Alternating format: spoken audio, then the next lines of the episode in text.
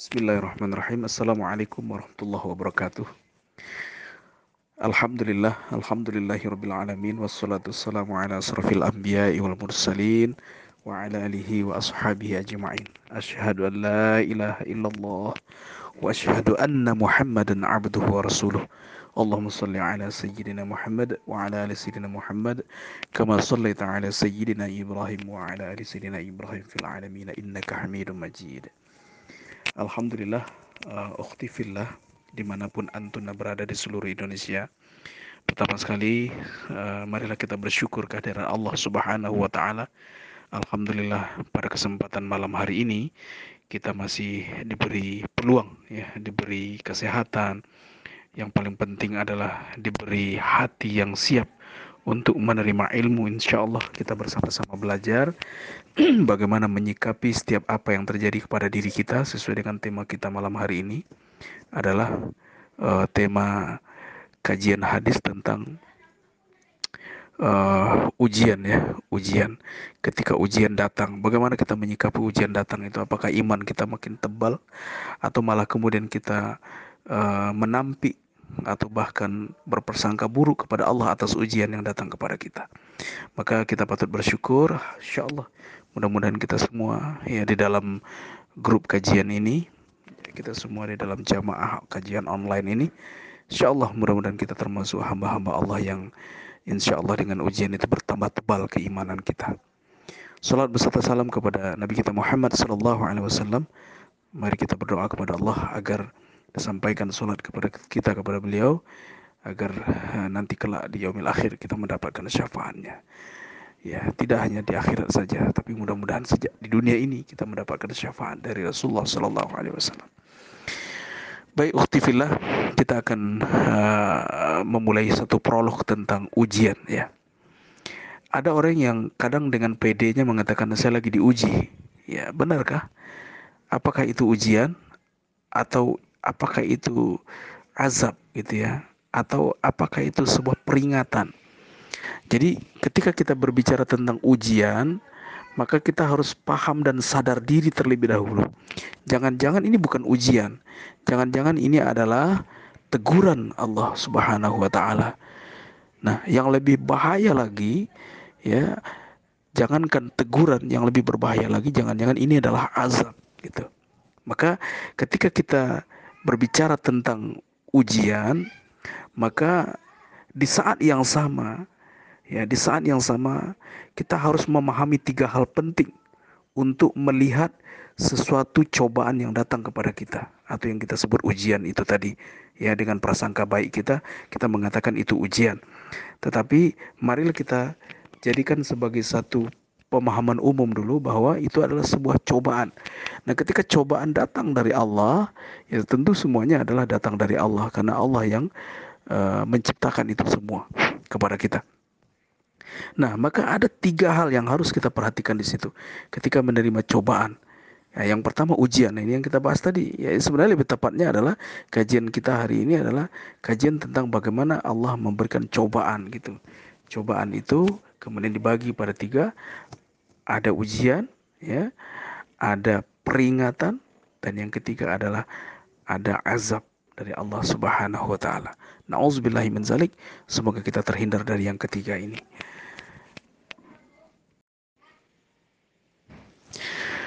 Baik. Nah, sekarang uh, ada sebuah hadis yang ini akan kita bahas bagaimana tema kita. Memang ini adalah kajian hadis. Ya kita coba lihat dan perhatikan hadis ini. Hadis ini sangat menarik sekali terkait dengan uh, cobaan ya. Terkait dengan cobaan. Lebih tepatnya kita bahas sebenarnya bukan ujian cobaan saja secara umum. Nanti dalam cobaan itu ada ujian ada teguran ya. Ada azab. Nah kita perhatikan di sini. Bismillahirrahmanirrahim Nabi Muhammad SAW bersabda ya di dalam sebuah hadis yang diriwayatkan oleh At-Tirmizi uh, inna izamal jazai ma'a izamil bala wa inna allaha iza ahabba qauman ibtalahum. Faman radiya falahu ridha wa man sakhita falahu sakhat.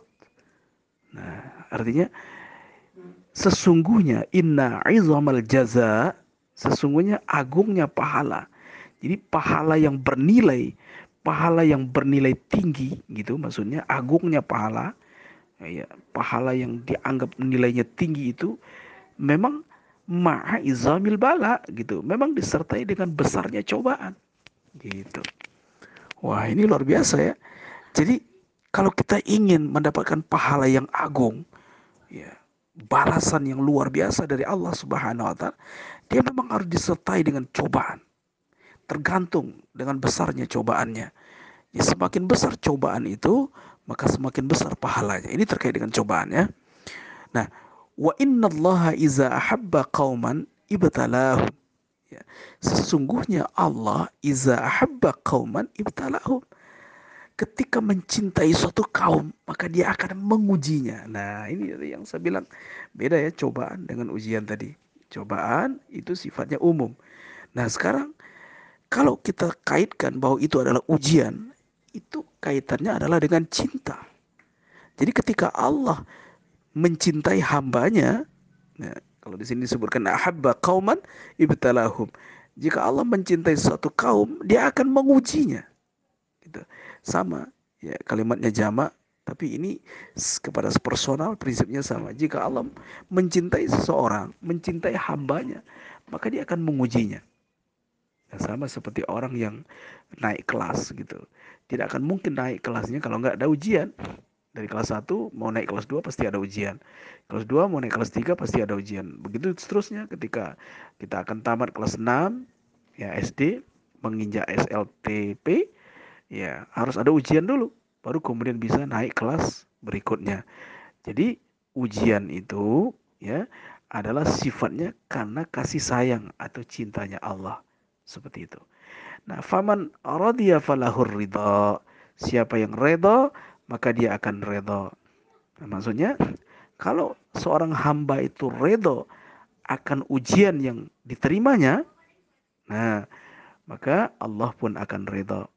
Dan sebaliknya, fala waman sakhita falahus sakhat. Nah, waman sakhita dan barang siapa yang tidak ridha ya atau dia murka gitu, dia kesel, jengkel atas apa yang Allah berikan kepadanya dalam bentuk ujian itu, falahus sakhat. Maka Allah pun akan murka. Nah, ini hadis menarik sekali. Baik. Nah, sekarang pertanyaannya, kapan kita tahu itu ujian? Kapan kita tahu itu bahwa adalah sebuah cobaan? Ya. Kapan kita tahu itu adalah ujian? Maaf, kapan kita tahu itu adalah sebuah ujian?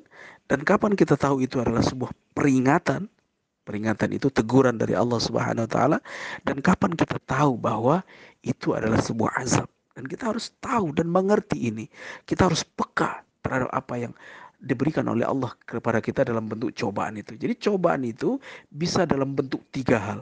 Yang pertama dalam bentuk ujian, yang kedua dalam bentuk peringatan atau teguran Allah Subhanahu wa taala dan yang ketiga dalam bentuk murkanya Allah atau azab.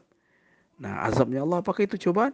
Ya, cobaan tetapi kita sudah dimurkai oleh Allah, ya. Tinggal terima saja kalau Allah sudah murka. Nauzubillahi min zalik. Maka jangan sampai kemudian kita masuk kategori yang ketiga ini. Nah, kita akan lihat kapan sesuatu cobaan itu dalam bentuk ujian. Nah, di dalam beberapa uh, pemahaman yang saya pahami dari para ulama dan kemudian di dalam hadis-hadis sahih terkait ini yang sifatnya ujian, yang sifatnya ujian itu tidak akan lama. Misalnya seseorang ketika diuji oleh sesuatu, pasti tidak lama dia akan bangkit kembali. Contoh, ya, mungkin tokonya terbakar, rumahnya terbakar, motornya hilang. Ya, ketika dia sabar, ketika dia ridho menerima itu sebagai ujian, maka tidak akan lama. Allah akan mengganti kembali, bahkan gantinya itu bisa dua kali lipat, tiga kali lipat, bahkan berlipat-lipat. Nah, ini ujian. Ya, ini ujian. Di mana Allah menguji seorang hamba dan ketika dia ridho, ikhlas, dan sabar, maka kemudian tidak lama. Jadi orang yang kalau diuji itu tidak lama. Nah, ini perlu kita curigai ini. Kalau ada orang yang menganggap dia dicoba atau diuji, tapi kok lama gitu. Misalnya nih, ketika kehidupan ekonominya jatuh, tiba-tiba jatuh, lama gitu dalam situasi yang seperti itu. Ini ada yang salah. Jangan-jangan ini peringatan Allah, ya peringatan Allah untuk mengecek apa yang salah dengan diri kita. Ya, apa yang salah dengan perilaku kita. Adakah sesuatu yang mungkin barangkali di mana ada yang kita langgar, ada sesuatu perintah-perintah Allah yang kita tidak jalankan karena kasih sayang Allah. Allah memperingatkan kita gitu. Allah uh, menegur kita dan dan ini bentuk kasih sayangnya Allah gitu atas teguran itu. Jadi semuanya dalam bentuk kasih sayangnya Allah. Termasuk azab, azab juga bentuk kasih sayang Allah, apalagi azab di dunia. Itu tandanya Allah telah mendahului ketika orang itu diberikan azab di dunia itu tandanya Allah sayang kepadanya sehingga kemudian nanti di akhirat azab itu akan berkurang kepadanya bentuk kasih sayang Allah semuanya ya nah kemudian yang ketiga Apakah itu azab? Ya kalau azab, ya. Dia dalam bentuk di mana tidak ada lagi masa untuk dia memperbaiki di situ. Karena memang Allah sudah mengazab terima saja. Ya, terima. Akhirnya dia harus ridho atas apa yang ditakdirkan oleh Allah kepadanya. Tiba-tiba ya itu adalah menjadi satu azab buatnya. Maka tidak ada cara lain dia harus segera bertobat kepada Allah Subhanahu wa taala. Akhwati fillah yang dirahmati Allah. Semoga Allah memberkahi kita semua dalam kajian malam hari ini dan semoga Allah benar-benar memberikan cobaan kepada kita dalam hanya bentuk ujian saja, ya, bukan dalam bentuk peringatan. Dan kalaupun terpaksa dalam bentuk peringatan karena kita lalai kepada Allah, mudah-mudahan cukup hanya sampai peringatan saja. Jangan sampai kategori kita termasuk kepada orang yang diberi azab oleh Allah Subhanahu wa taala. Karena ketika azab sudah didatangkan oleh Allah, berat sekali ketika azab sudah diberikan oleh Allah. Sangat berat. Tidak siap tidak semua orang yang akan siap untuk menerima azab dari Allah Subhanahu wa taala. Baik, kita lihat lagi hadis ya sebuah hadis uh, yang diriwayatkan oleh Bukhari dan Muslim ma yusibul mu'mina min syaukatin fama fawqaha illa rafa'ahu Allahu rajah Nah, ini menarik ya. Ma yusibul mu'mina. Tidaklah seorang mukmin terkena duri ya, dan lebih dari itu melainkan Allah akan mengangkat derajat dengannya. Min syaukatim fama fauqaha illa rafa'ahu Allahu biha jadi tidaklah seseorang hamba terkena duri atau lebih dari itu maksudnya terkena duri atau ya kalau duri kan yang paling kecil ya kita terkena duri keinjak duri itu kan paling kecil nah duri saja itu kan paling kecil ya musibah yang datang kepada seseorang. Nah, atau lebih dari itu. Lebih dari itu seperti kecelakaan atau kemudian kehilangan, ya, sesuatu yang sangat menyedihkan. Seperti hari ini kita ditimpa musibah. Ya, kalau sebagian orang kita menganggap ini adalah sebuah musibah, mungkin saja atau dianggap sebagai cobaan bisa saja. Ujian bisa jadi, peringatan bisa jadi dan azab juga bisa jadi dengan adanya COVID-19 ini. Nah, tinggal di mana posisi kita. Bagi orang-orang yang beriman, dia akan melihat ini apakah ujian atau cobaan? Ya, ujian atau peringatan Allah, teguran atau azab dari Allah. Nanti lihat posisi dirinya. Ya, bagi seorang mukmin, apa pun yang datang kepadanya itu adalah baik. Nah, maka baik duri ataupun lebih dari itu, melainkan Allah akan mengangkat derajat dengannya. Atau anhu biha khati'ah. Masya Allah. Atau dihapuskan kesalahannya oleh Allah subhanahu wa ta'ala. Atau dihapus dosanya.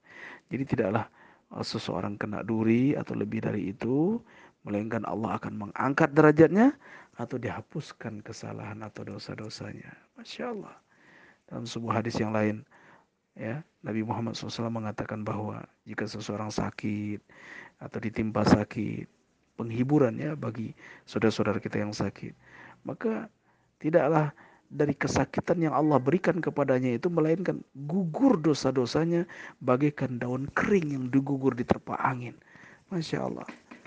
Betapa sebenarnya kalau kita melihat apa pun yang datang kepada kita, ya entah itu berupa cobaan, entah itu berupa ujian, sesungguhnya itu semua adalah akan menjadi baik jika kita ridha ikhlas menerimanya. Nah, sekarang kita akan bahas satu persatu. Yang pertama, ketika seseorang merasa bahwa cobaan yang datang kepadanya adalah ya, cobaan yang datang kepadanya adalah ujian, ya, ujian dari Allah, maka sikap yang paling baik baginya adalah tidak lain dan tidak bukan adalah sabar dan ikhlas, ridho. Sabar, ikhlas atau ridho menerima itu. Kenapa? Karena dia adalah seseorang yang baik. Dia merasa bahwa tidak berlaku solim kepada orang lain. Dia merasa bahwa dia selama ini melakukan perintah yang diperintahkan oleh Allah dan menjauhi apa yang dilarang oleh Allah. Dan orang-orang yang dicintai oleh Allah ini akan selalu diberi ujian. Dan ujian yang terberat adalah ujian yang diberikan oleh Allah kepada para nabi dan para rasul. Saking cintanya Allah. Begitu cintanya Allah kepada seseorang yang memang Allah akan beri ujian kepadanya. Nah, maka sikap bagi seseorang yang diberikan ujian oleh Allah hanya dua saja. Yang pertama sabar, yang kedua ikhlas menerima ujian tersebut. Maka insya Allah Allah akan naikkan derajatnya setelah ujian itu berakhir. Nah, ini yang pertama. Kemudian yang kedua, ketika kita melihat bahwa ada seseorang yang dicoba oleh Allah dengan satu musibah, ya, dengan satu musibah, tetapi kemudian ia merasa bahwa musibah yang datang kepadanya itu adalah sebagai satu teguran dari Allah Subhanahu wa taala. Dan sebenarnya setiap kita hamba Allah akan paham betul apakah itu ujian benar-benar ujian ataukah itu cobaan ataukah itu azab. Kita tahu dan kita sadar itu sebenarnya. Dan itu tidak bisa dibohongi. Hati kecil kita bisa melihat. Makanya ketika datang satu cobaan kepada kita, langsung cek ke dalam hati kita. Ada apa ini? Ya, apakah ini ujian? cobaan atau azab. Masya Allah, kalau sekiranya kita tidak melakukan sesuatu hal yang melanggar, tidak ada perintah-perintah Allah yang kita langgar, tidak maksiat, ya, semua perintah Allah yang kita lakukan, semua apa yang dilarang oleh Allah kita kita hentikan, maka sesungguhnya itu adalah ujian. Tetapi kemudian kita cek diri kita, jika ternyata dalam proses kehidupan kita kita merasa bahwa banyak sekali perintah-perintah Allah yang kita langgar, yang kita langgar ya, yang kita lara, larangan-larangan Allah yang kita uh, langgar, ya, seruan Allah kita tidak lakukan, maka itu berarti coba, maka itu berarti teguran ya. Maka itu berarti teguran dari Allah Subhanahu wa taala. Maka dalam melihat itu sebagai satu teguran, tidak ada cara lain bagi kita selain bertobat kepada Allah segera. Ya. Dan sabar, sabar, tetap ikhlas, sabar dan ikhlas, tapi tambahkan yang ketiga, langsung bertobat kepada Allah Subhanahu wa taala. Akui semua dosa-dosa dan jika dosa-dosa itu terkait kepada Allah langsung, maka cukup dengan bertobat dan meminta ampun kepada Allah. Tetapi jika dosa-dosa itu terkait dengan orang lain, maka segera meminta maaf dan selesaikan itu dengan manusia atau orang lain tersebut. Ya, maka musibah dikarenakan dosa ya, dan dia bersabar, bersyukur, ikhlas. Nah, lalu kemudian dia bertobat, maka Allah akan mengampuni dosanya. Dan luar biasa setelah itu Allah akan angkat derajatnya. Ya, angkat derajatnya. Tidak hanya di dunia, di surga. Dan Allah akan penuhi orang itu dengan pahala, orang-orang yang sabar, dan orang-orang yang berharap pahala kepada Allah subhanahu wa ta'ala. Masya Allah. Begitu indahnya kasih sayang Allah kepada seorang hambanya. Ketika Allah mencintai hambanya, dia akan diberi ujian dalam bentuk teguran. Itu tandanya Allah memang masih sayang kepada kita. Maka oleh karena itu, pahami di mana posisi kita. Kemudian yang terakhir, apakah ujian itu azab yang datang dari Allah Subhanahu wa taala? Kalau itu azab, maka kita coba cek diri kita. Ya. Ya, biasanya ini terjadi kepada orang yang berkali-kali ya berkali-kali melakukan perbuatan maksiat. Allah sudah coba dia lagi, dia Allah sudah beri ujian, Allah sudah tegur, Kemudian dia melakukan lagi berulang, Allah tegur lagi. Tapi dia tidak paham bahwa itu adalah sebagai teguran dari Allah Subhanahu wa taala. Atau mungkin dia paham tapi abaikan saja. Allah tegur lagi, Allah tegur lagi, Allah tegur lagi sehingga pada akhirnya nauzubillahi min zalik Allah datangkan kepadanya azab. Apakah Allah murka? Tidak. Ini bukan dalam bentuk murkanya Allah, ini juga dalam bentuk kasih sayangnya Allah. Selama itu terjadi masih di dunia, itu adalah kasih sayangnya Allah kepada kita. Maka tidak ada cara lain, harus segera bertobat dan sadar sesadar-sadarnya bahwa kita telah melakukan perbuatan-perbuatan yang nista, perbuatan-perbuatan yang dilanggar, maka segera kembali kepada Allah. Lalu kemudian bertobat, selesaikan urusan dengan manusia. Ya, tidak ada cara lain selain bertobat. Tapi biasanya kalau azab ini sudah datang, maka diakhiri dengan Allah akan mencabut nyawanya.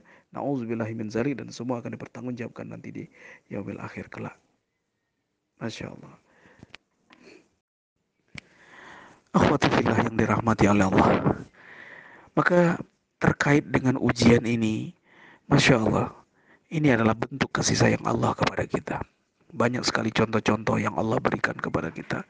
Sebagaimana orang-orang yang dicoba oleh Allah dengan satu musibah agar mendapatkan kedudukan tinggi, ya tinggi, kedudukan yang mulia yang memang Allah telah berikan kepadanya atau Allah telah siapkan untuknya termasuk surga baginya. Nah, termasuk juga menghapus dosa-dosa masa lalunya dan hal yang termasuk balasan baginya di dunia termasuk balasan-balasan bagi di dunia dan itu kemudian nanti di akhirat Allah juga akan berikan balasan-balasan yang luar biasa kepadanya. Nah, sebagaimana apa yang terjadi kepada para rasul dan para ambia. Nah, kita lihat beberapa contoh ya. Seperti Adam alaihissalam, Yunus alaihissalam, ya Adam alaihissalam ketika Allah berikan teguran kepada Adam ya ketika kekhilafannya memakan buah khuldi perintah Allah dilarang maka kemudian Allah berikan teguran ujian Nah, sampai kemudian Allah menerima tobatnya Nabi Adam. Rabbana zalamna anfusana wa illam taghfir lana wa tarhamna lanakunanna minal khasirin. Tidak ada cara lain. Harus meminta ampun kepada Allah. Itu yang dilakukan oleh para nabi, para anbiya. Jika Allah ya, jika dia tergelincir dan Allah kemudian memberi teguran kepadanya. Begitu juga yang terjadi kepada Yunus. Ya. Yunus bin Matta dicoba dengan masuk ke dalam perut ikan paus. Ya. Yunus ya, sehingga Allah mengangkat keduanya dengan cobaan ini. Nabi Yunus, Nabi Adam diangkat oleh Allah derajatnya dengan kesabaran mereka. Jadi mereka itu sabar ya ketika diberikan ujian oleh Allah Subhanahu wa taala. Lalu kemudian itu menjadi tebusan atas kesalahan-kesalahan mereka dan kemudian Allah angkat derajatnya dan Allah muliakan mereka kembali. Nah, ini contoh. Banyak lagi contoh-contoh yang lain yang Allah berikan kepada para nabi, para ambia. Maka akhwatillah yang dirahmati oleh Allah. Hal yang terpenting bagi kita sebagai makhluk Allah, sebagai hamba Allah yang taif, ya, tidak ada cara lain. Yang pertama, kita harus sabar. Ketika datang satu ujian kepada kita, analisa apakah ini dalam bentuk cobaan, ya, dalam bentuk maksud saya apabila datang cobaan kepada kita, analisa yang pertama apakah ini dalam bentuk ujian, ujian, atau yang kedua dalam bentuk teguran Allah, atau ini azab. Ya. Maka perhatikan itu perhatikan. Ada paling tidak indikasi-indikasi yang perlu kita perhatikan. Apakah dia termasuk ujian ataukah itu cobaan, ya, teguran oleh Allah Subhanahu wa taala, maksud saya ujian, teguran Allah Subhanahu wa taala atau azab, paling tidak ada beberapa indikasi yang perlu kita perhatikan di situ. Yang pertama, dosa-dosa besar, ya. Apakah ada dosa-dosa besar yang telah kita lakukan? Jika Allah datangkan satu cobaan kepada kita, segera cek dosa-dosa besar apa yang telah kita lakukan. Dosa-dosa besar itu terkait dengan syirik kepada Allah, mensekutukan Allah Subhanahu wa taala. Yang kedua, terkait dengan berbuat durhaka kepada kedua orang tua, ya. Durhaka kepada kedua orang tua. Dan yang ketiga adalah meninggalkan salat. Meninggalkan salat. Yang keempat adalah berzina. Ya. Apakah pernah melakukan perbuatan zina? Yang kelima, memakan dan meminum. Memakan, meminum barang-barang haram. Sesuatu yang haram. Dan yang keenam, zalim. Zalim kepada orang lain. Ya, zalim kepada orang lain. Kemudian yang ketujuh, membunuh. Ya, seperti ada seorang perempuan dirundung masalah, dirundung musibah terus. Tapi ternyata apa? Di waktu semasa ia dulu muda, masa kuliahnya pernah menggugurkan kandungan dan ia telah melakukan perbuatan membunuh, membunuh Paling tidak ada tujuh hal yang perlu kita perhatikan di sini. Apakah ini terlakukan oleh kita? Maka hal yang terpenting adalah segera taubat kepada Allah dan kalau itu terkait dengan manusia segera meminta maaf. Masya Allah. Akhwati fillah yang dirahmati Allah. Begitulah beberapa hal-hal penting yang perlu kita perhatikan. Dan ada satu uh, hadis yang ingin saya sampaikan di akhir kajian kita malam hari ini. Qultu ya Rasulullah ayyun nas ashaddu bala qala al-anbiya sumal amsalu fal amsal ya fayubtal ar-rajulu ala hasabi dinihi fa in kana dinuhu sulban istadda bala'uhu wa in kana fi dinihi riqatun ibtuliya ala hasabi dinihi fama yabrahul bala' bil abdi hatta yatsuruku yatsurukahu yamshi 'ala al-ard ma 'alaihi khati'ah Artinya, saya bertanya kepada Rasulullah SAW, Wahai Rasulullah, siapakah manusia yang paling berat cobaannya? Beliau menjawab, para nabi. Para nabi. Para nabi adalah paling berat ujiannya. Kemudian, ya, para nabi kemudian yang paling bagus dan paling bagus, sehingga seseorang dicoba sesuai dengan agamanya. Kalau agamanya kuat, maka dia akan diberi cobaan yang berat. Kalau agamanya lemah, maka dicoba dengan sesuai dengan dicoba sesuai dengan agamanya. Jadi ya sesuai dengan kadar keimanannya saja. Tidaklah cobaan akan diberikan kepada seorang hamba sampai dia meninggalkannya dan berjalan di atas bumi sementara dia tak mempunyai kesalahan. Masya Allah. Jadi ujian, cobaan, ya, cobaan yang diberikan oleh Allah Subhanahu Wa Taala kepada hamba itu benar-benar akan menghapuskan semua kesalahan-kesalahan atau dosa-dosa yang pernah ia lakukan. Jadi sebenarnya cobaan yang diberikan oleh Allah itu dalam bentuk kasih sayang. Jadi hari ini kita mengalami sesuatu hal yang mungkin ya tiba-tiba kemudian PHK, kita tidak punya pekerjaan, tidak punya penghasilan atau tiba-tiba di zaman Covid-19 ini, ya corona ini, tiba-tiba situasi ekonomi melemah, tidak kuliah atau banyak sekali musibah-musibah yang kita rasakan datang kepada kita, maka ingat bahwa apa pun yang terjadi hari ini adalah baik karena kita adalah orang-orang yang beriman kepada Allah Subhanahu wa taala dan insya Allah kalau kita sabar, ridha, ikhlas menerimanya dan kemudian bersyukur atas apa yang terjadi kepada diri kita, insya Allah suatu saat ketika cobaan ini telah berakhir, ya ketika pandemi ini berakhir, maka kemudian Allah akan naikkan derajat kita naikkan derajat kita. Jangan sampai kemudian kita menjadi orang-orang yang merugi. Di mana kita sudah sulit keadaannya hari ini, ditambah lagi kita kesal, ditambah lagi kita tidak terima atas ujian ini. Yang terjadi adalah marah-marah, tidak sabar. Maka yang terjadi adalah kita tidak akan dapatkan apa-apa. Malah justru sebaliknya, Allah murka kepada kita. Nauzubillahi min zalik. Akhwati yang dirahmati Allah, mungkin itu yang dapat Abi sampaikan pada malam hari ini. Mohon maaf bila ada kekurangan. Semoga apa yang kami sampaikan ini bisa manfaat buat kita semua. Wallahu a'lam bishawab. Wassalamualaikum warahmatullahi wabarakatuh.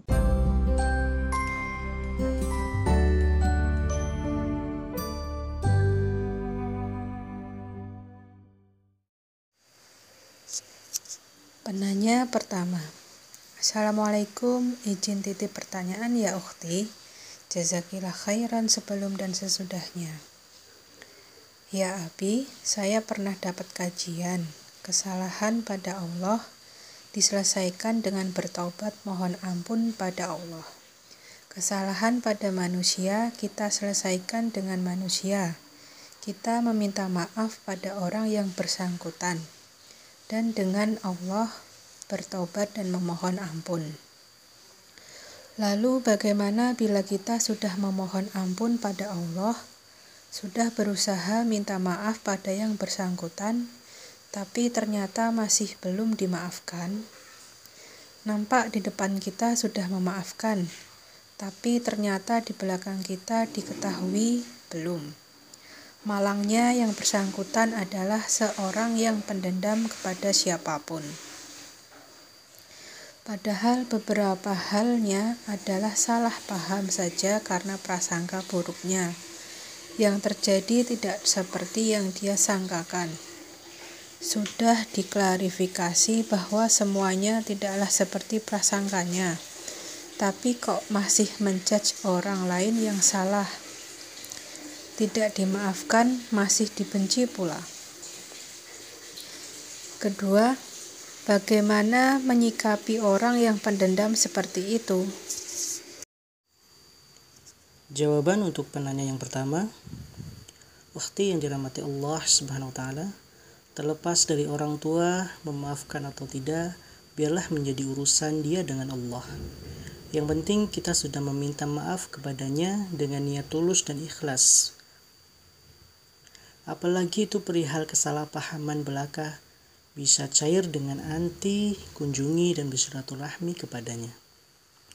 Namun jika kemudian di belakang kita dia tidak memaafkan, itu biarlah menjadi urusannya.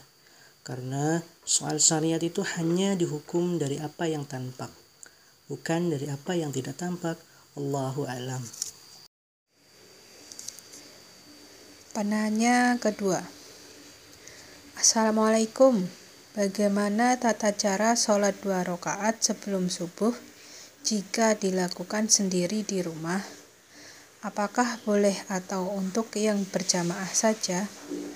Dan jika boleh, apakah sebelum iqomah di masjid berkumandang atau bagaimana? Jazakillah khair. Jawaban bagi penanya kedua. Ini mungkin maksudnya barangkali adalah salat sunnah fajar atau qobliyah sebelum subuh.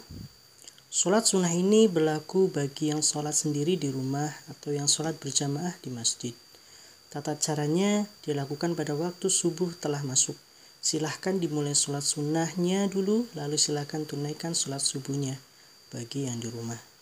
Bagi yang di masjid, boleh dilakukan di rumah saat sebelum ke masjid atau di masjid saat datang masuk masjid setelah menunaikan sholat sunnah tahiyatul masjid. Itu pun jika masih pada waktu sebelum muazin iqomah. Kalau tidak keburu atau waktunya iqomah sudah dekat, silahkan sholat sunnah fajar qobliyah subuh sekaligus niat sholat sunnah tahiyatul masjid. Penanya ketiga. Assalamualaikum Ustadz mau tanya. Bagaimana ya caranya menghadapi orang tua yang suka ngeyel? Susah bener diomongin. Sering capek kalau ngeyilnya keluar. Makasih Ustadz, maaf banyak salah kata. Jawaban bagi penanya yang ketiga. Cara menghadapinya ya bersabar, karena orang tua Anda tidak akan tertandingi sabarnya. Ia dulu sewaktu Anda kecil membesarkan Anda hingga sudah sebesar sekarang maka tak layak bagi kita sebagai anak untuk tidak bisa bersabar pada mereka. Karena bakti dan kasih sayang kita itu akan diuji saat-saat mereka sudah mungkin menua dengan berbagai tingkahnya yang sudah uzur, yang semakin tua akan semakin seperti anak-anak. Maka sudah sepatutnya Anda bersabar dan tidak boleh mempersoalkannya, apalagi sampai kesal dan marah. Penanya keempat. Assalamualaikum Abi Haromain Izin bertanya, saya mendengar pernyataan Ustadz lain bahwa cobaan terbesar bagi wanita adalah perasaan.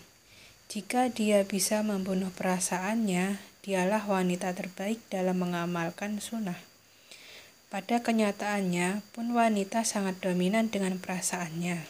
Bagaimana kiat mengelola perasaan agar tidak menjadi cobaan bagi kami? Jazakallah khairan. Jawaban bagi penanya yang keempat. Menurut saya, perasaan itu tidak harus dibunuh atau dimatikan karena perasaan bagi seorang wanita itu adalah sebuah anugerah dari Allah Subhanahu wa taala. Kenapa kita harus bunuh? Kalau dibunuh atau dimatikan justru menyalahi sunatullah dan kodrat manusiawi seseorang perempuan. Namun mestinya yang harus dilakukan oleh seorang perempuan adalah mengendalikannya, ya, mengendalikan perasaannya. Sama halnya nafsu adalah karunia dari Allah. Namun tidak harus dibunuh.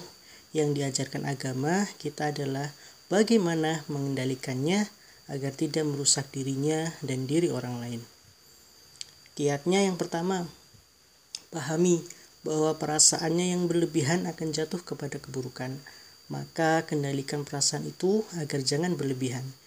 Biasa-biasa saja dan tidak perlu memperturutkannya.